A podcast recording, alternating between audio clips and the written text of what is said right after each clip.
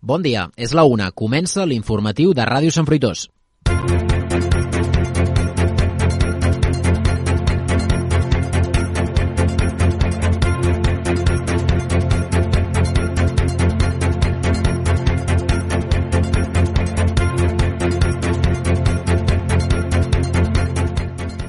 Divendres 4 de març, primera setmana del mes, i en aquest informatiu repassarem el més destacat dels últims dies al poble de Sant Fruitós de Bages. Aquest cap de setmana recordeu que els amants de la natura i l'esport teniu una cita amb la Transèquia. Aquí, a l'informatiu de Ràdio Sant Fruitós, recuperarem l'entrevista que li van fer a la central a la coordinadora de la Transèquia, la Laia Munts, una clàssica caminada popular que transcorre entre els municipis de Balsareny, Sallent, Santpedor, Sant Fruitós i Manresa. Tots aquells més despistats podreu recuperar avui doncs, el més destacat d'aquesta edició. També sentirem el testimoni d'una ucraïnesa, la Victoria Bobotsko, qui és manresana, però té família aquí, a Sant Fruitós de Bages. L'hem preguntat com està vivint tot aquest conflicte al seu país, a Ucraïna. Ja sabeu que les tropes russes van entrar fa més d'una setmana a territori ucraïnès reclamant precisament territoris que consideren seus. Tot plegat ho explicarem des d'ara i fins al punt de les dues. Tota la informació de Sant Fruitós a la ràdio del poble.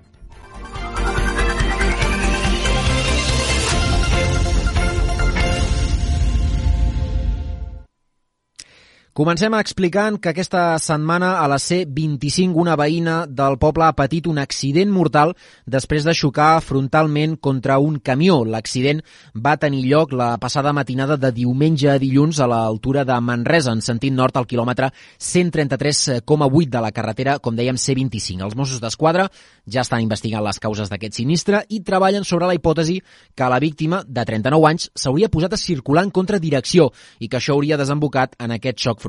El conductor del camió implicat també va resultar ferit lleu i va ser traslladat a l'Hospital Sant Joan de Déu de Manresa. El turisme només hi viatjava la víctima. Amb aquesta ja són 25 les persones que han mort a les carreteres catalanes durant aquest any.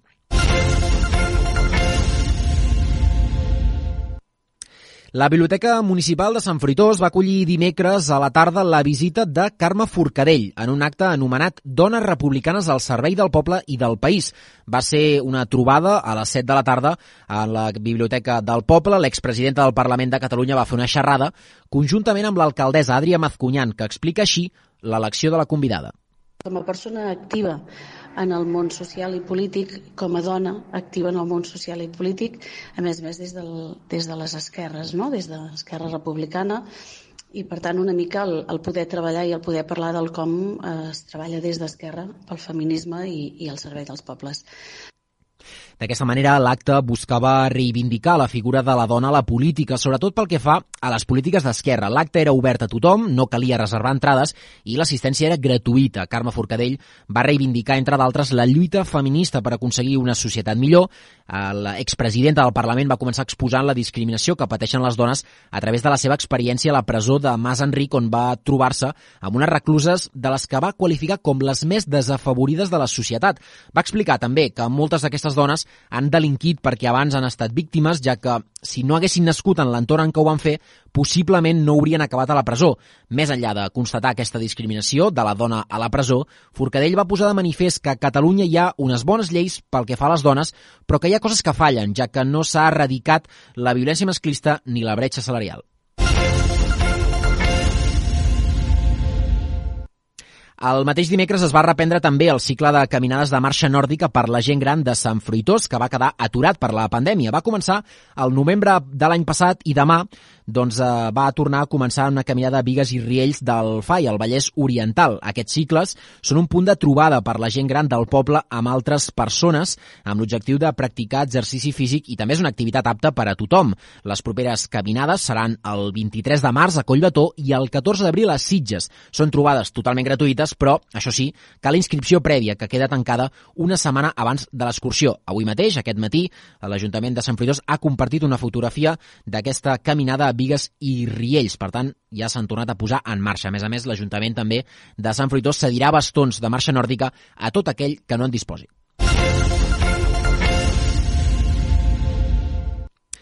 Més coses també de les últimes hores. L'esplai d'avis del poble va reobrir les portes el passat 25 de febrer, divendres, després que aquest equipament hagi estat objecte d'importants millores tant pel que fa a l'espai com pel que fa a la gestió. L'espai estarà obert cada dia de dilluns a diumenge des de les 3 de la tarda fins a les 8 del vespre, ampliant d'una manera significativa les hores d'obertura per bé que la gent gran del municipi disposi d'un espai on trobar-se diàriament. A més, l'espai bar-cafeteria s'ha renovat completament, una de les principals novetats pel que fa a la reforma de l'equipament és la instal·lació d'una terrassa exterior que permetrà que qui faci ús de l'equipament també pugui fer-ho a l'aire lliure, amb total tranquil·litat i seguretat, ho explicava la mateixa alcaldessa Adrià Mazcunyan. El reobrim, el reobrim amb la cara renovada, amb un nou ambient, amb una terrassa que el que farà és obrir l'esplai de la gent gran a tota la gent de Sant Fruitós, que tothom en pugui gaudir, per tant, contentíssims d'aquesta obertura, però a més a més amb noves activitats, amb ganes de fer nous projectes i de treballar amb la gent gran i per la gent gran.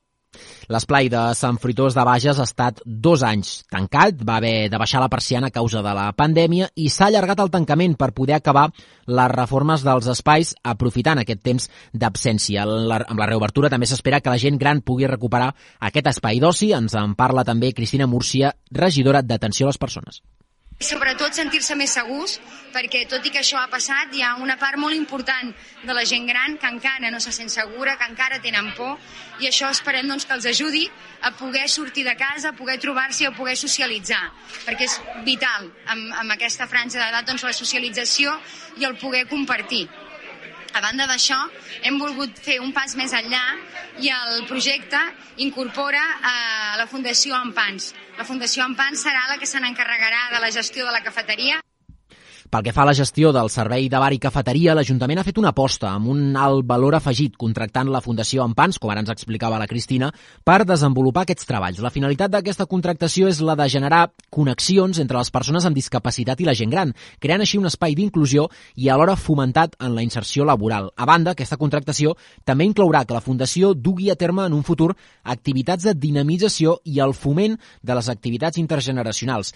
I el poble també va celebrar el passat diumenge la la Festa de l'Arròs. Va ser una edició pràcticament idèntica a la prepandèmica. Tots els actes van recuperar la presencialitat i van comptar amb la participació dels santfruitosencs i santfruitosenques que ja a inicis de setmana havien exaurit les entrades pels actes previstos, per tant, moltíssimes ganes d'aquesta festa. El sentiment general era d'alegria per poder recuperar una festa molt tradicional. Ara no veig tanta gent, però bueno, jo suposo que al llarg del matí pues, que n'hi haurà gent. Sí, ve molta gent sempre. Sí, sí. Va. Pues la festa de l'arròs d'aquest any mm, sembla que ja feia falta una altra vegada, que hi hagués una altra vegada moviment aquí al poble. Eh, hi ha molta gent, molt participatius tots, un mogollon d'activitats. Penso que, que sí, el que et dic, eh, feia falta i aquesta la gaudirem com si fos la primera que, que havíem fet molta gent, molt bon ambient, tothom mm, està participant i, i molt guai. Tot i que van haver-hi actes, des del passat dijous, el gruix sí que es va concentrar en la jornada de diumenge, que va arrencar amb una botifarrada a les 9 del matí i va concloure a, cap al vespre, després del dinar. Alguns veïns i veïnes celebraven tornar a la normalitat després d'un any complicat. La de l'any passat va ser una miqueta descafeinada, sí que, bueno, eh, l'arròs era a casa, era, era molt diferent. Jo crec que la gent el que volia era tornar-se a juntar, disfrutar una mica de lo que és la festa en realitat de, de l'arròs, no? Jo ja fa uns anys que estic aquí a Sant Fruitós vivint, he viscut moltes, he participat a la, al concurs de l'arròs amb la colla i, i aquest dia és per disfrutar, per ajuntar-se i per, per fer un dia guapo guapo i, i, i, i maco. O sigui que l'any passat eh, no considero, per mi, eh, no considero com una festa, una festa de, de l'arròs, com la d'aquest any. Els actes del diumenge van comptar amb actes tradicionals, com ara la Fira d'Artesans i Comerciants, i la trobada de puntaires, també amb propostes de cultura popular, com són la 23a trobada gegantera, l'audició de sardanes a càrrec de la Cobla Lluïsos o el Cercavila de Gegants. Tots aquests actes van eh, precedir els institucionals, que van fer-se en espais oberts i no com abans es feia al recinte de l'Ajuntament. Al migdia van arribar els actes centrals de la festa amb la benedicció de l'arròs, l'homenatge a les parelles o el concurs de les colles de l'arròs, que com a novetat capacitat, enguany estava limitat a 20 persones. I precisament unes hores abans d'aquesta festa de l'arròs, a Sant Fruitós de Bages també es va produir un incendi al vell mig del poble. Una caravana i un cotxe van començar a cremar cap a primera hora de la nit. Segons algunes fonts, una petita explosió precisament a la caravana va causar aquesta flama que va créixer molt ràpidament i va obligar els bombers a actuar també amb la mateixa agilitat. L'incendi es va produir al pàrquing de l'escola Pla del Puig. En aquell moment tot i que el poble es trobava immers en un cap de setmana de festes i actes, durant diferents franges de diversos dies no es va haver de lamentar cap víctima ni cap ferit Afortunadament, des de l'escola Pla del Puig asseguren que l'incendi tampoc ha causat cap destrossa important i així ha estat gràcies a la ràpida actuació dels bombers, que han extingit el foc en pocs minuts gràcies a una ràpida actuació. I cap de setmana molt cultural, aquest. Ja comencem a posar la mirada en els propers dies. Com dèiem, al poble, moltes cites culturals. Demà, per exemple, dissabte, els joves i els nens del poble recuperen el format tradicional de la festa del Carnaval amb rues i concerts. Seran rues al llarg de la tarda. La primera començarà a les 5 des de la plaça Alfred eh, Figueres i està destinada a un públic familiar. La segona, més enfocada a un públic adolescent i jove, serà a dos quarts de deu del vespre. També hi haurà dos eh, concerts, un entre les mm, dues rues, a quarts de set de la tarda al pavelló municipal on es farà l'actuació de Rigui per la canalla i el plat fort a les 11 de la nit amb el grup Buos, un concert que estava previst, recordem, inicialment pel dia 21 de gener en el marc de la Festa Major d'hivern, però que es va haver de reprogramar per la pandèmia. L'estrella Morales, la regidora de Joventut, ens ho explica. Gràcies a, a l'aixecament de moltes de les restriccions, doncs enguany podrem tornar a una celebració en un format més tradicional, no? Recuperem les rues pel poble de Sant Fritós, també doncs els concerts amb, amb un aforament més ampliat. Estem molt satisfetes i, i contentes i bé, doncs esperem que totes i tots us hi apunteu i que puguem gaudir-la plegats. En acabar el concert, la festa seguirà amb el Fruitosenc DJ Arzet, que té molt bona rebuda sempre entre el públic eh, jove. Això serà demà, però avui, dos apunts més culturals. Per una banda, la biblioteca enceta l'exposició Pinzellades en el temps. Es tracta d'una mostra que farà un viatge per la trajectòria artística de la Maria Lluïsa Gregori, una veïna de Sant Fruitós, de 80 anys. Ella mateixa ha fet una selecció de la seva obra dividida en blocs temàtics. L'exposició s'allargarà fins al dia 2 d'abril i al vespre l'acte nit de dones al Teatre Casal Cultural, una vetllada que donarà el tret de sortida als actes entorn del Dia Internacional de la Dona. Consistirà en un espectacle d'humor amb l'actiu i amb l'actriu i còmica Eva Cabezas i les assistents podran gaudir de la vetllada amb l'acompanyament d'una copa de vi i un pinxo. L'espectacle començarà a les 8 del vespre i està reservat únicament per a un públic femení. Ara mateix les entrades ja estan exaurides.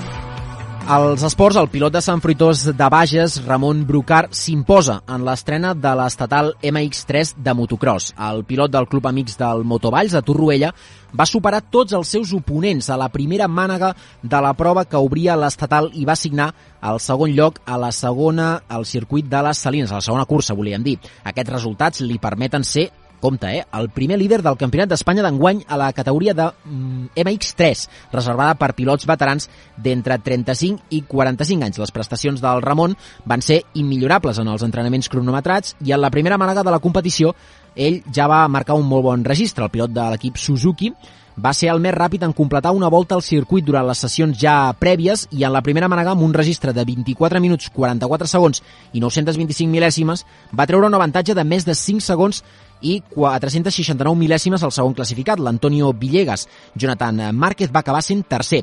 A la segona mànega, Brucar i Márquez van mantenir també un pols a pols, una lluita aferrissada pel triomf que es va decantar a favor de l'extremeny per només 286 mil·lèsimes. El Sant Fruitosenc les va completar en 23 minuts, 42 segons i 21 mil·lèsimes. Ramon Brucar encapçala la classificació general de l'estatal amb 47 punts, seguit per Jonathan Márquez, que en té 45, i Francisco Javier Hernández, que en té 38.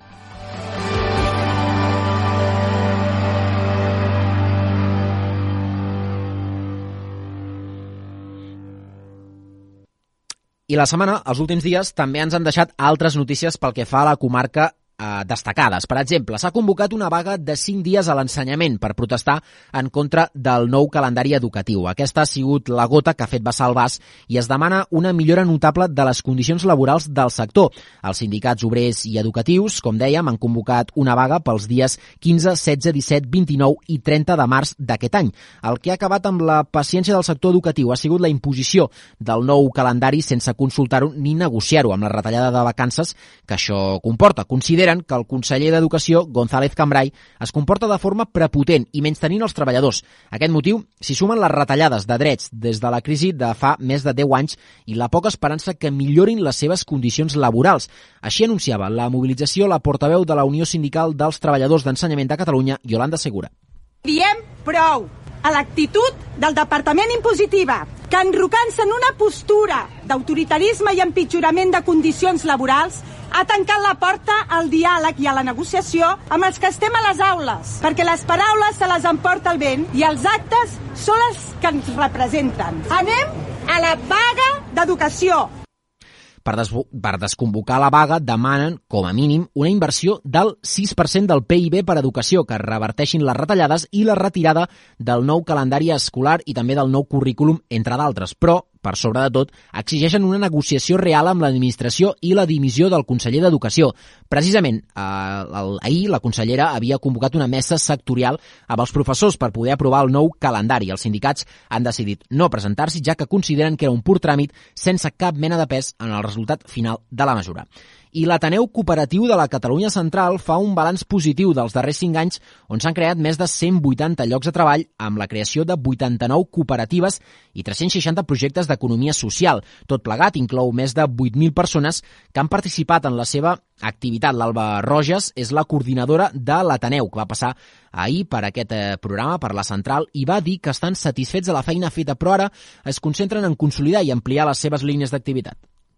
Sí, doncs mira, bàsicament doncs, que se'ns designa com a servei públic i que fins ara l'Ateneu Cooperatiu ha sigut una subvenció que s'ha anat renovant any a any i eh, l'actual convocatòria surt a, a tres anys vista, per tant vol dir que fins al 2024 podrem executar activitat i per tant esperem que aquests indicadors els puguem mantenir i consolidar, els que hem assolit durant aquests últims cinc anys.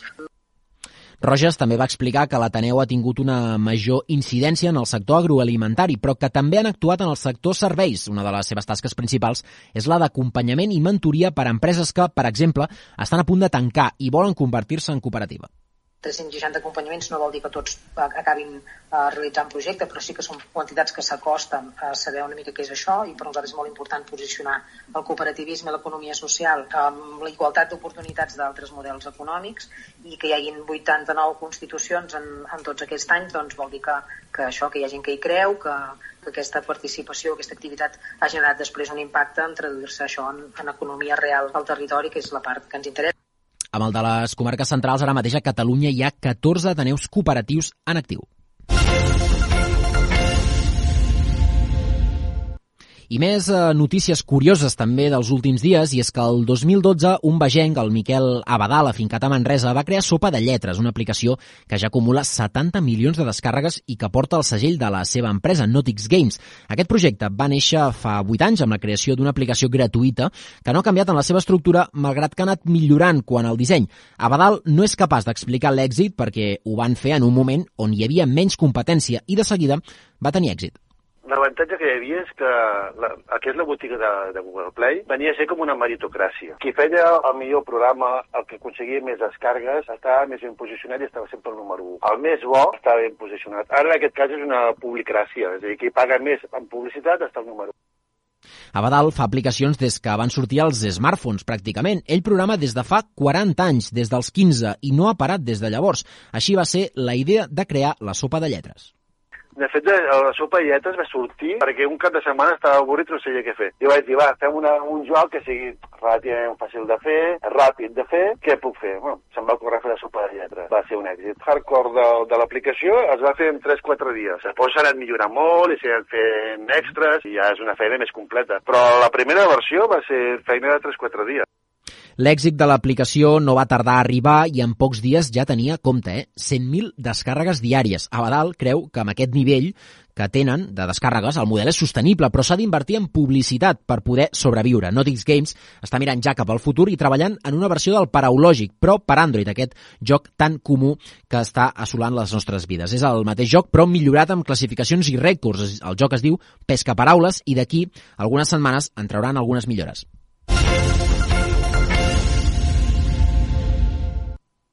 I acabem el repàs de notícies explicant que el Talla impulsa també un projecte per millorar la qualitat de vida de les persones amb dificultats per empassar aliments. Literalment, volen retornar al plaer de menjar. Així ho han dit eh, gràficament el projecte NutriAl 3D, impulsat pel Centre per la Integració de la Medicina i les Tecnologies Innovadores, imprimeix aliments en 3D, liderat per la Fundació Altalla, també compta amb la col·laboració de l'Escola d'Hoteleria Joviat i diferents empreses i institucions de la comarca del Bages per tal de poder validar el projecte durant tres dies s'està donant a terme una prova pilot a l'Escola d'Hoteleria Joviat de Manresa que servirà com a base de l'estudi per analitzar l'impacte dels aliments impresos en 3D, que poden arribar a tenir una qualitat de vida de les persones que pateixen problemes de deglució.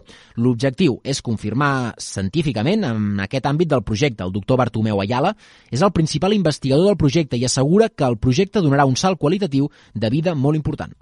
Com el nostre objectiu era garantir també el tornar al plaer de menjar aquestes persones que tenen aquest problema, vale?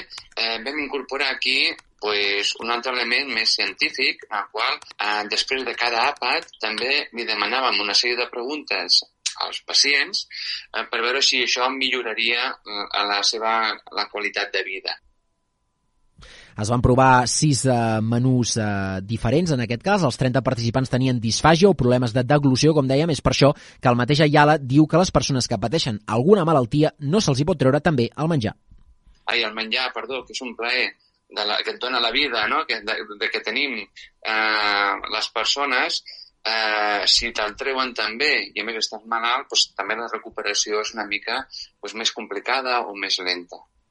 Es van provar fins a sis menús diferents formats per dos plats i postres. La textura i densitat dels aliments estan adaptats a les necessitats de les persones que pateixen aquesta problemàtica respectant el gust original d'entre els plats que formaran part d'aquests menús i destaquen alguns tan plens de sabor com el risotto de bolets i ceps, l'escudella o les molles amb xoriço, entre d'altres.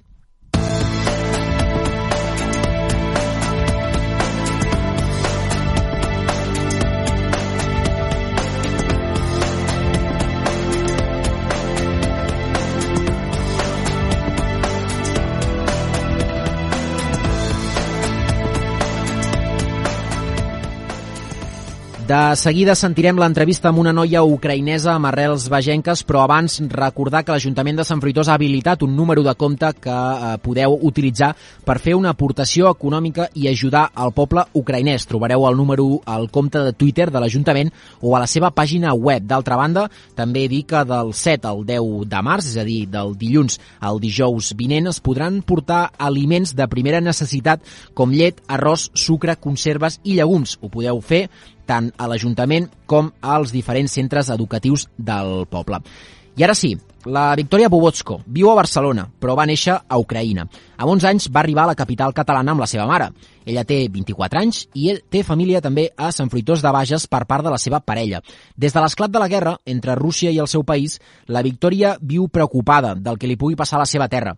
Impotència, tristesa, són els dos sentiments que té ara mateix aquesta jove amb la qual hem pogut parlar de com ho està vivint. Victòria, bon dia, com estàs? Hola, bon dia. Moltes gràcies per trucar-me. No, a tu per, per atendre'ns. La veritat és que entenc que estan sent uns moments molt complicats per, per tu i per la, per la teva família, evidentment també per tots els habitants d'Ucraïna. Simplement el primer que et volia preguntar és saber com estaves, com, com ho estàs vivint des de la distància. Doncs és molt complicat.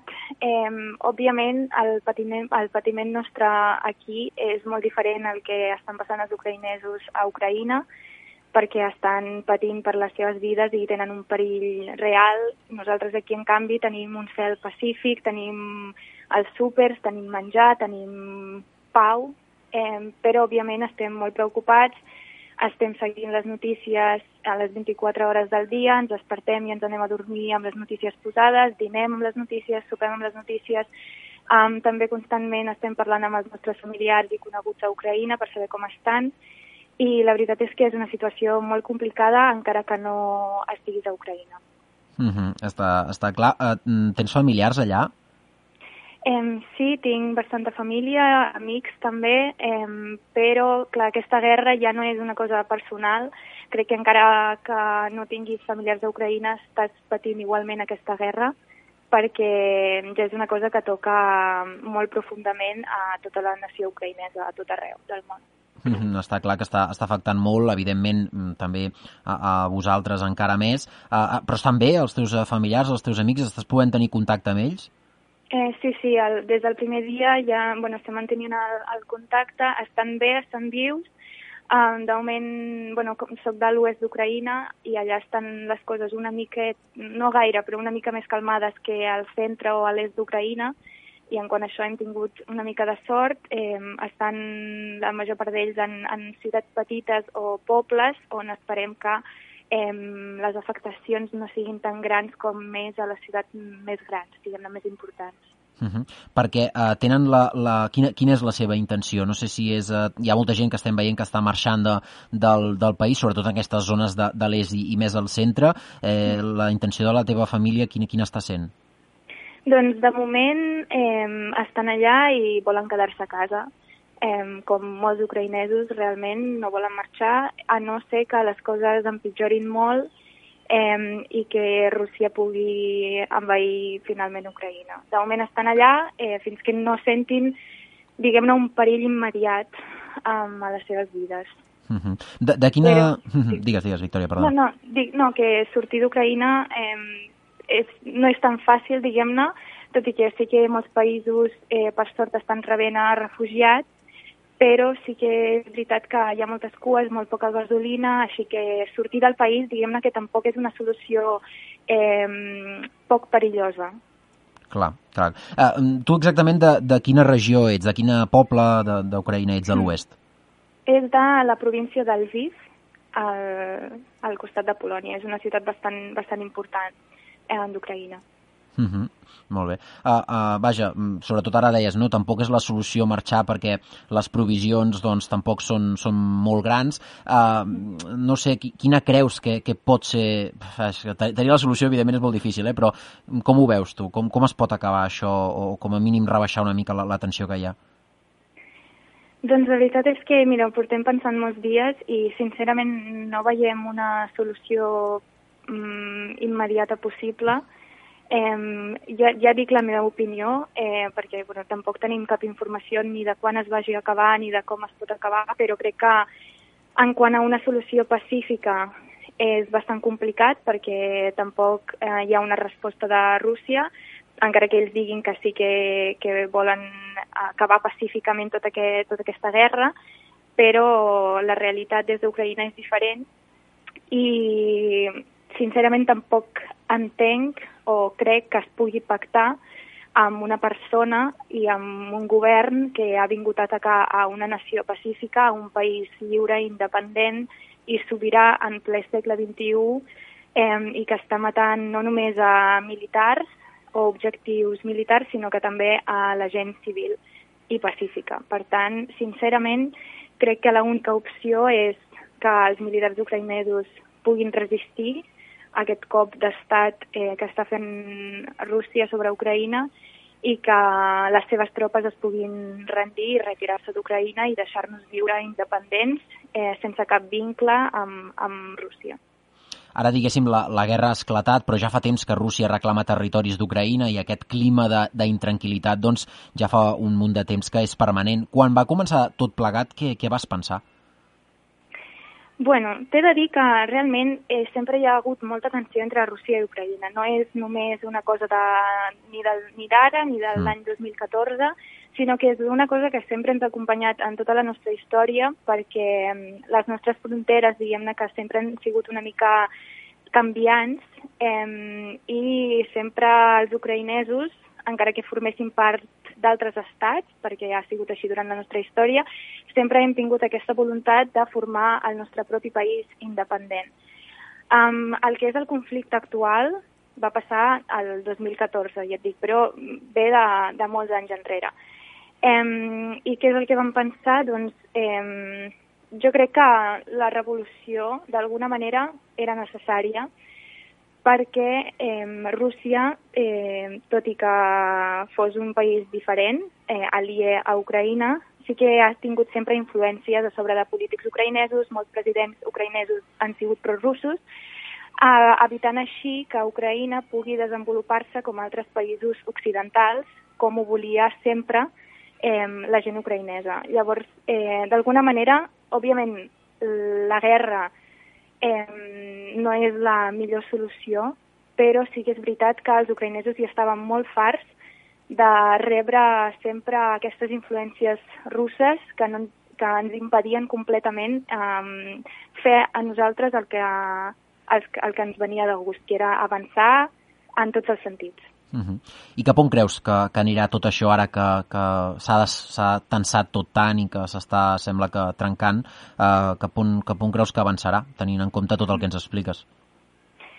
Bueno, jo crec que aquesta guerra eh, crec que l'objectiu dels russos no s'està complint perquè el que volien era trencar Ucraïna i acabar amb Ucraïna i crec que el que estan aconseguint és que els ucraïnesos ens unim més que mai i que lluitem per un objectiu comú, que ens ha costat una mica durant tota la nostra història. Llavors, jo crec que, bueno, penso positivament i crec que al final, mm, no sé quan, però les coses es solucionaran i hi haurà un molt millor futur per Ucraïna. No sé si amb l'entrada d'Ucraïna a la Unió Europea, com s'està parlant ara, o amb què, però estic segura que ja aquest cop és el definitiu i no deixarem passar més aquesta propaganda russa, eh, polítics prorussos, eh, que Rússia exploti Ucraïna eh, com el seu coixí de protecció amb Europa i crec que les coses aniran cap a millor. Uh -huh. uh, ja per acabar, Victòria, us heu manifestat d'alguna manera aquí a, a Barcelona, al Bages, a, amb, el, amb algun grup de, de ciutadans ucraïnesos? Uh, crec que tinc entès que, que sí, no? que, que ja heu fet una mica de pinya també. Explica'ns una miqueta quines són les iniciatives que, que esteu preparant o que us esteu vaja, reunint també la comunitat ucraïnesa des d'aquí a Catalunya per, per poder enviar suport cap allà. Mm. Doncs eh, sí, portem manifestant-nos ja des del primer dia de la guerra, que ha sigut aquest passat dijous. Eh, hi ha manifestacions cada dia. Eh, a partir d'ara, almenys a Barcelona, són cada dia a partir de les 6 de la tarda, però en, en totes les ciutats realment, no només de Catalunya o d'Espanya, sinó de tot el món, eh, hi ha associacions d'ucraïnesos que comparteixen aquestes manifestacions a les xarxes socials perquè qualsevol persona es pugui unir, no només els ucraïnesos, sinó que realment siguis de la nacionalitat que siguis, pots acompanyar-nos i en aquesta lluita, perquè crec que ens afecta no només als ucraïnesos, sinó que a tot el món. I crec que és molt important sortir al carrer, no només per mostrar el nostre suport amb els nostres familiars, amics, eh, companys ucraïnesos, sinó que també per eh, pressionar d'alguna manera els nostres governs occidentals perquè, perquè actuïn d'alguna manera, no només amb paraules o amb sancions, sinó que ajudin realment físicament a, a Ucraïna. Tot i que és veritat que ja ho estem aconseguint després d'aquests dies de manifestacions, ja hem aconseguit que molts països enviïn ajuda no només humanitària, sinó que també eh, en forma d'armes, per exemple, a, a Ucraïna. Mm -hmm. Eh, res, simplement volia compartir també un, una notificació que ens arribava aquest matí aquí a la ràdio, que aquí a Sant Joan de Vilatorrada s'està preparant de cara a demà i em sembla que eh, durant, durant la setmana una recollida de, de material de primera necessitat que s'enviarà doncs, cap, a, cap a Ucraïna o, o vaja, mm, que el rebrà la comunitat ucraïnesa perquè eh, doncs, ha aquesta necessitat no? de, de materials i de recursos com ens comentaves i això doncs, organitza l'Ajuntament de Sant Joan de, de Vilatorrada, s'organitza eh, a, aquest municipi vegenc. Què et sembla quan veus el suport de, bé, de, de, del Bages en aquest cas i també de, de molts punts de, de Catalunya cap, a, cap al teu país? Com, com ho rebeu, això?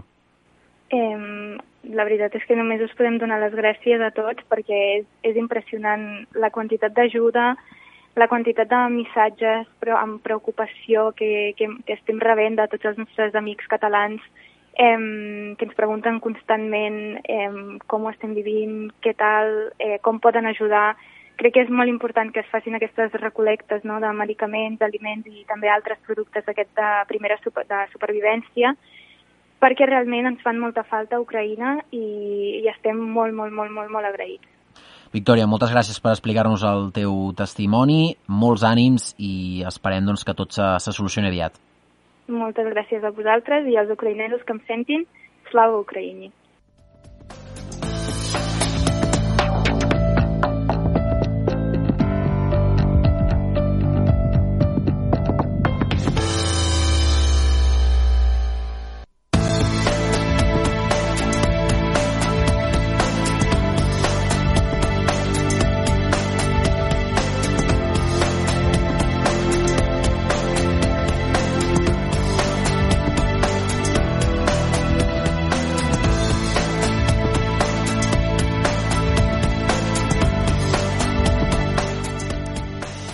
I com us dèiem abans, després d'una notícia trista, ara anem a una més positiva que ens toca ben de prop i que té a veure amb la natura i amb l'esport, i és que aquest cap de setmana torna l'edició 38 de la Transèquia, la caminada popular que recorre la sèquia des de Balsareny fins a Manresa. Tindrà lloc el proper 6 de març. Enguany, com dèiem, 6 eh, de març és aquest diumenge, presenta moltes novetats per bé que l'organització encara no ha pogut tornar a l'essència de la caminada, tot i que cada vegada s'hi va apropant més.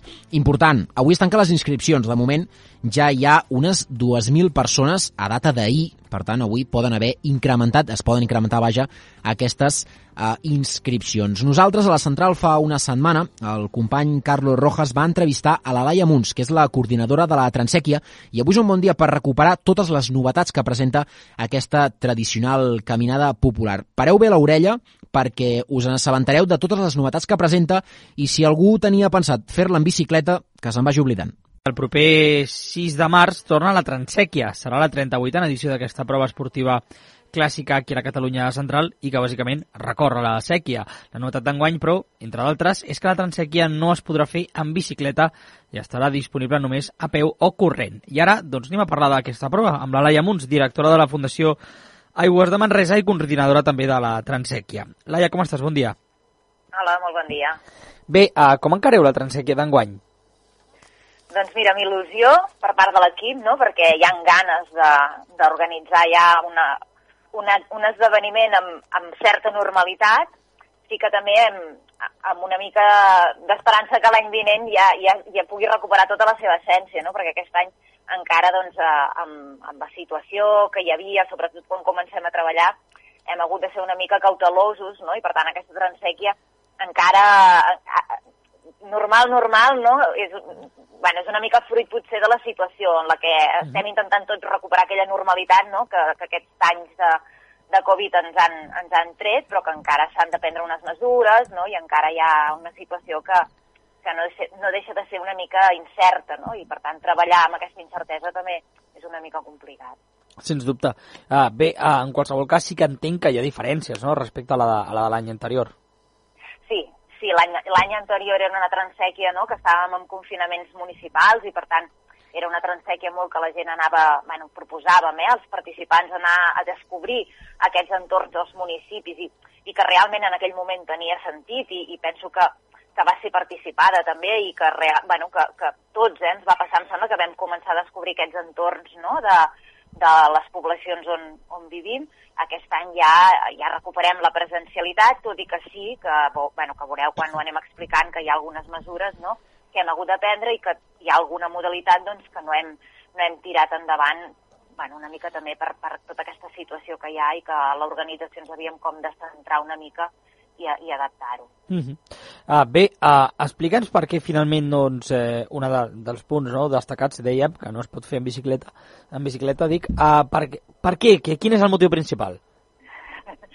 El, el motiu principal és això que t'explico. Eh? Nosaltres ens posem a treballar molt temps, um, havíem de tenir en compte eh, totes les mesures i hi va haver un moment que és quan hauríem de treballar el, el, el prerendiment, l'organització, que va ser un moment molt complicat, de personal en baixes, amb, bueno, vull dir que, que, que la, la infraestructura no, de, de persones que, que podíem destinar-hi hores eh, havíem de fer equilibris i llavors va ser una mica doncs, de dir doncs, anem a assegurar unes modalitats de participació i esperar que l'any vinent doncs, eh, puguem recuperar el transec en bicicleta, amb handbike, no? i totes les modalitats i el màxim de presencialitat i, bueno, i aquesta essència no? que aquest any doncs, encara bueno, encara la situació del tot del tot normalitzada no, no, no hem acabat de sortir no? de, de, de tot plegat i per tant una mica és fruit de tot, de tot això.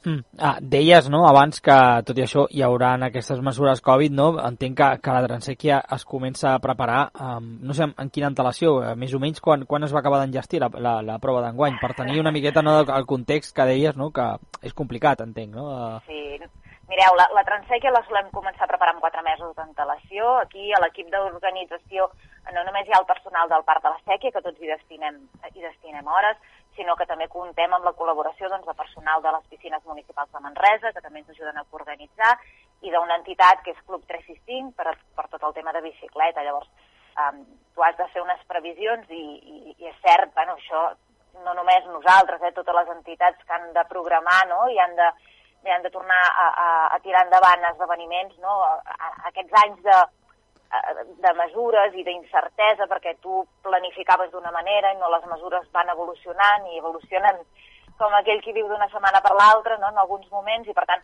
eh, no és fàcil, no és fàcil arrencar esdeveniments i, i tornar a, a, a, bueno, a, a, a fer-ho amb, aquella, amb aquella normalitat que es podia fer. No? N'hi ha moltes ganes i jo penso que això és un punt positiu. Veus que hi ha ganes per part dels participants, no? tothom tenim ganes de, de tornar a gaudir no? d'aquests aquest, actes i aquesta presencialitat de les coses i per tant jo penso que això és molt important no? i que es vagin fent cosetes també. El que passa que es van fent, però encara has de tenir en compte no? al màxim aquestes mesures. Llavors, bueno, una mica aquesta d'enseguida d'aquest any doncs, a, a, és fruit d'aquesta situació. -huh. Bé, en qualsevol cas, eh, s'ha de, de, tenir, de tenir en compte no, que les mesures doncs, són les que són. Ara repassem eh, per, per deixar-les sí. eh, eh, clares, no? però, però això, clar, quatre mesos, entenem que fa quatre mesos, eh? o sigui, entenc que això va ser cap al novembre, imagina't no? la, la situació eh, com era de diferent, no? o sigui, en aquell moment fins i tot um, ben diferent del que era ja el mes de desembre i el desembre és molt diferent del que és avui. Per tant, Exacte. és molt complicat treballar amb aquesta, amb aquesta previsió. Uh, ara sí, uh, mesures que puguem destacar de Covid no? de, per encara la, la gent que vulgui participar i que vulgui fer-ho amb seguretat. Doncs mira, una de, bueno, una de les novetats d'aquest any i que també és fruit d'aquesta situació ha estat que els, els punts d'avituallament, que són punts no, sensibles amb tota aquesta situació del Covid, no? és el lloc on ens trobem, hi ha alimentació, ens baixem les mascaretes, doncs això era un, eren punts sensibles. Llavors, una solució que s'ha trobat com a organització és que aquest any, en comptes de, de muntar els punts d'avituallament al llarg del recorregut, es donarà una bossa que serà l'avituallament. Per tant, cada participant, al començar a l'inici de la ruta, allà on hagi decidit que ell comença, a Busos, o a Balsareny, o a Sallent, vull dir això, allà on es decideix que es comença, doncs se li donarà una bossa amb l'alimentació que podia trobar al llarg del recorregut, doncs la tindrà en aquesta bossa, de manera que a cadascú s'autogestionarà on li vindrà de gust de parar.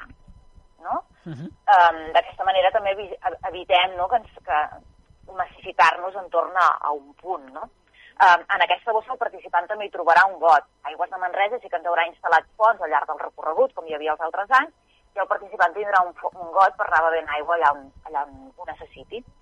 Uh -huh. I després, el que també aquest any eh, trobarà el participant és que eh, posarem una bossa de, de deixalles, una bossa de deixalles per l'orgànica, per les peles de, de la fruita que, que hi hagi a la bossa, i, i una bossa de deixalles per envasos. I aquest any sí que no trobarà contenidors eh, al llarg del recorregut ni al parc de l'agulla. Aquest any, com a esdeveniment, eh, el que demanem és que el participant eh, s'autogestioni les deixalles i que les deixalles les anem guardant i quan arribem a casa doncs fem el reciclatge. I això pensem que és molt important i és molt diferent del que fèiem els altres anys. Vosaltres sabeu que per nosaltres com a esdeveniment eh, el respecte a l'entorn i, i, i, i al medi i, i, i a reciclar, no? això que hem dit sempre, aquesta tona de deixalles que generàvem, i hem posat molts esforços, però també ens adonem que cal fer una crida que, que quan es va a la natura la gent hem de ser conscients que, que no sempre hi ha d'haver la paperera al costat de l'arbre, no? i que per tant quan anem al bosc, quan anem a la natura, quan anem a caminar i a gaudir d'aquest entorn, ens n'hem d'endur aquestes deixalles que generem. No? Llavors, el lema d'aquest any de la transèquia és que, que, escolta, que el dia de transèquia, com els altres dies de l'any, tu pots anar a gaudir d'aquest entorn, però has de ser conscient d'endur-te'n les deixades i reciclar-les un cop siguis a casa, no? Llavors, eh, una mica la crida, i on posarem també molts esforços, és amb això, amb ser conscients de que no hi haurà papereres, no hi haurà contenidors i que aquest reciclatge, escolta, que ens hem d'acostumar a fer-lo, no? Ens hem d'autogestionar quan anem a, a l'entorn natural. Mm -hmm. Sens dubte, eh, s'ha de tenir molt, molta cura i s'ha de tenir molt en compte. Uh, a banda d'això, també, uh, si no m'equivoco, uh, Laia, també hi ha novetats pel que fa a les inscripcions, oi? Sí, les inscripcions aquest any ho hem limitat a 3.500 participants, això també eh, la idea és de baixar un 30% no, el, el nombre d'inscrits a l'esdeveniment per evitar també eh, aglomeracions i una cosa que, que també és novetat és que el, el participant eh, s'haurà d'inscriure per franges horàries. La idea és que intentarem fer el màxim de fluid aquesta gestió de, de l'entrada, no? de, de l'arribada a, a la transèquia. Per tant, hi haurà una franja horària on la, el participant s'haurà inscrit per pujar a l'autobús o per començar a Balsareny o per començar a Sallent i, per tant, intentarem que tot flueixi al màxim per evitar aglomeracions no? i que per tant, és per això que hem posat aquestes franges horàries, que, que bueno, al fer la inscripció doncs, preguntem a tothom amb quina franja vol començar.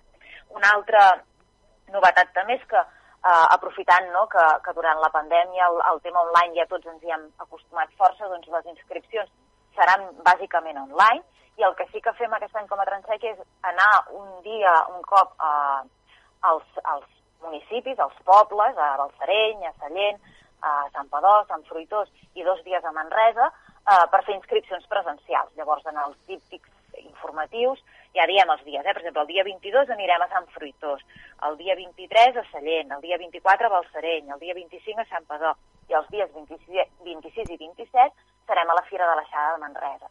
La idea és fomentar la inscripció online, però també som conscients que hi havia gent que els era pràctic de fer aquella inscripció presencial. Llavors, amb aquesta finalitat, doncs hi haurà un dia que la Transec es traslladarà a aquestes poblacions per facilitar aquestes, aquestes inscripcions. Uh -huh.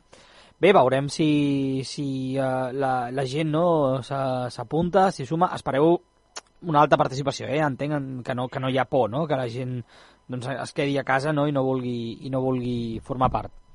Mira, t'he de dir que hem obert inscripcions aquest dilluns. Uh, les xifres d'avui no les tinc, les d'ahir ja portàvem 217 inscrits, vull dir que bueno, jo penso que, que tenim ganes de, de, no, de tornar a gaudir dels esdeveniments, que tots som molt conscients que tots els esdeveniments han de prendre mesures no? de, de seguretat i que, per tant, bueno, doncs, per sort, no? jo penso que tothom entenem doncs, que aquestes mesures hi han de ser, però que tenim ganes de recuperar al màxim aquesta, aquest fer que els esdeveniments tornin a ser una mica nostres, no? Que, bueno, jo espero que sí, que la gent tingui ganes de gaudir, que faci un bon dia i que vinguin amb tranquil·litat perquè les mesures hi seran. Com a organització, ja ho veus, vull dir, hem intentat apostar-hi i en principi doncs, la, la, la mascareta, el participant, doncs, eh, al ser l'aire lliure, no? si hi ha prou distància se la podrà treure, si algú necessita portar-la posada, doncs la pot portar posada, vull dir que en principi eh, jo penso que, que s'han pres totes aquelles mesures que, que es podien prendre. -huh. Bé, doncs eh, de moment la gent sembla que, que pel que dius, no, aquestes 200 inscripcions és un inici amb força no? I, la, i la gent sí. Es vol sumar. També s'ha dir, eh, Laia, no? que, que encara no ho hem comentat, que la Transèquia, com sempre, té aquest caràcter solidari sí, i enguany, sí. doncs, sobretot, eh, molt enfocat a, en pans. Sí, nosaltres ja fa uns quants anys que cada any intentem posar llum, no? donar, donar veu amb algun projecte perquè el participant, perquè al final és, és la solidaritat del participant, i això penso que és molt important, no, no és l'esdeveniment, sinó que és la solidaritat del participant que acaba, acaba donant un euro amb una causa, amb una causa de, de comarca, no? Llavors, aquest any l'entitat és Empans. Empans és una entitat molt coneguda per tots, però tenen un projecte que és el Servei de Prevenció de Prelaboral, que, que és un servei d'inserció laboral de persones que han, que han patit alguna enfermetat de salut mental. Llavors jo penso que és, és un projecte molt bonic. Eh, ahir que fèiem la roda de premsa ens van portar elements que ells van a buscar fustes a la deixalleria, ferros, i els, eh, o sigui, fan economia circular, eh? els tornen a posar, els hi donen sí. un nou ús, eh, elaboren làmperes, elaboren taules, elaboren marcs, elaboren coses precioses, no? Llavors, penso que és important doncs, que també donar a conèixer aquest, aquest projecte tan bonic no? que, i que té molt de sentit no? que, que tinguem en el territori d'Empans i que sigui bueno, convidar doncs, a tot el, tots els participants que realment aquest euro podran entrar, segurament penjarem algun vídeo a la nostra web on veuran imatges de lo important no? que, que és aquest projecte i que per tant és una causa que, que s'ho val. Uh -huh. ah, D'altra banda, no ho hem dit abans, no? Uh, aquest uh, 2022, si no m'equivoco, eh, incorporeu també el, un, un tema com és el, el municipi anfitrió, no? que és Manresa. Sí. Vull dir, uh, Explica'ns una miqueta aquesta, aquesta proposta. Mira, nosaltres la Transec ens adonem que cada vegada eh, ve més gent de fora, també, o sigui, no només és gent del Baix que fa la Transec, sinó que també és un dia que ve molta gent de Barcelona i l'àrea metropolitana. Llavors ens sembla que, que, és, que havia de ser bonic aquest, aquest, amb aquesta idea de la transèquia, de sumar, de fer territori, de donar a conèixer, no? això que dèiem, doncs projectes que a vegades no són prou coneguts d'entitats que són molt conegudes del territori. No? Doncs amb aquesta idea de posar llum, de, de, de divulgar, eh, ens semblava que havíem de donar a conèixer aquest territori, no? per on passa la sèquia, perquè el participant pot venir el dia de Transèquia i estem molt contents, però també pot, pot veure o descobrir no? a, aquest territori i, i venir un altre dia, i això és el que ens agradaria, no? que no només vinguin el dia de Transèquia. Llavors, aquest any eh, hem començat i ens va semblar que tocava no? amb Manresa 22, aquesta efemèride d'aquests 500 anys no, de, ignasians de Sant Ignasi, per tant ens semblava no, que tenia molt sentit començar amb Manresa 22 i amb la idea doncs, de que eh, cada any eh, ja hi anem sumant un municipi diferent no, d'aquest territori i podem divulgar doncs, a nivell cultural o turístic una mica doncs, que la gent això, eh, que, que hagi vingut aquest dia a gaudir de la transèquia i digui, ostres, doncs, per què no, goita, d'aquí un mes vull anar a, a descobrir doncs, Manresa o, o l'any vinent algun altre mm. municipi. Sí, sí, eh, totalment. Doncs és una, és una, bona, una bona idea, una bona iniciativa no? en, en aquest sentit, que per cert, eh, aquesta transèquia, no sé si a nivell de, de voluntaris, també espereu una, una bona resposta. Explica'ns també com es pot eh, col·laborar no? per qui vulgui ser voluntari, que, sí. que es vulgui sumar la, a la idea com, com és habitual. Nosaltres cada any mobilitzàvem uns 300 voluntaris. Aquest any contem que amb 200 persones es podrà tirar endavant la transèquia. Per nosaltres el voluntari és la peça clau. O sigui, si no tenim voluntaris no hi hauria esdeveniment perquè, perquè realment fa falta no? d'aquestes mans i d'aquesta ajuda per tirar endavant.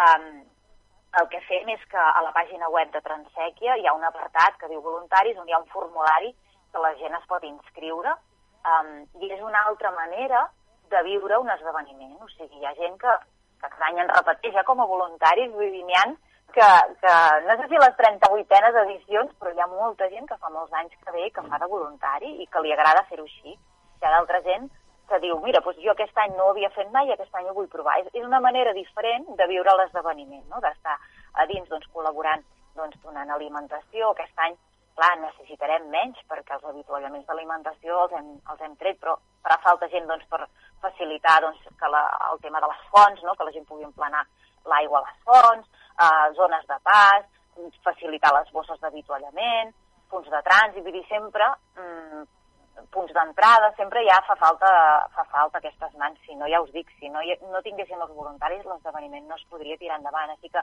un agraïment, això ja ho dic ara, totes aquelles persones que cada any hi són i els que vulguin venir, doncs també superagraïts des de l'organització de de que vinguin. Uh -huh. uh, Laia, per, per anar acabant, uh, espereu que l'any vinent, no, com, com deies abans, la transèquia sigui ja totalment normal. Uh, ja, no, ja no ho dic com a desig, eh? entenc que com a expectativa, no, a priori, veient com evoluciona la pandèmia, entenc també que s'ha de ser cautelós, no? però sembla que podria ser que l'any vinent no? ja sí que es podria recuperar el format habitual de sempre sí, esperem que sí. Jo, jo et voldria dir dues coses, abans no, no em facis acabar. Sí. Una és que recuperem la, la mini transèquia amb un format també diferent, però aquest any serà la setena edició d'aquesta mini transèquia. Serà al Parc de l'Agulla, uh mhm. -huh. serà com una gincama pensada per les famílies o grups que s'apuntin, i llavors que sí que cal inscripció prèvia aquest any, també per facilitar el fet de que no hi hagi aglomeracions. Eh? I també un agraïment molt especial a totes aquelles empreses, entitats, institucions que ens col·laboren. O sigui, la Transèquia, a part del voluntariat, necessita no, d'aquesta col·laboració que es fa al territori per l'esdeveniment. Especial menció a BBVA, que és la vuitena edició que ens col·laboren, i a Masens Nous, que serà la tercera edició que col·laboren com a, com a patrocinadors premium, aquestes dues entitats, i agrair també això, eh, a empreses, a, a, a entitats, institucions, voluntaris, o sigui, jo penso que és un projecte que, que jo sempre dic que el Parc de la Sèquia és, és un tresor que, que l'organitzem nosaltres, no? perquè sempre et sents superben acollit, sempre et sents que tothom se l'estima, no? i això és, això és una sort, vull dir que agrair a tothom qui col·labora. Mm -hmm.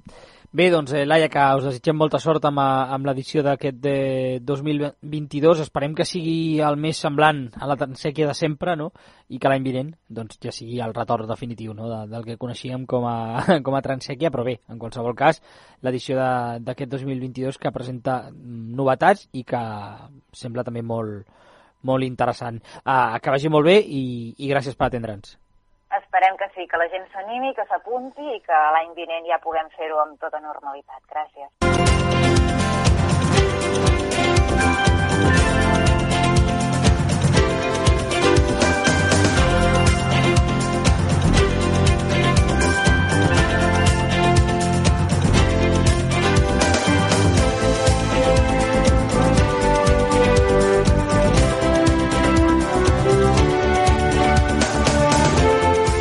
I fins aquí l'informatiu de Sant Fruitós de Bages a Ràdio Sant Fruitós. Us ha parlat el Pol Rodríguez. Recordeu que podeu recuperar l'informatiu en els podcasts dels webs radiosantfruitós.cat i onabages.cat. Moltíssimes gràcies per acompanyar-nos, per escoltar-nos i ens retrobem de nou divendres vinent a la una del migdia fins al punt de les dues al 107.5 de la FM. Que passeu molt bon cap de setmana.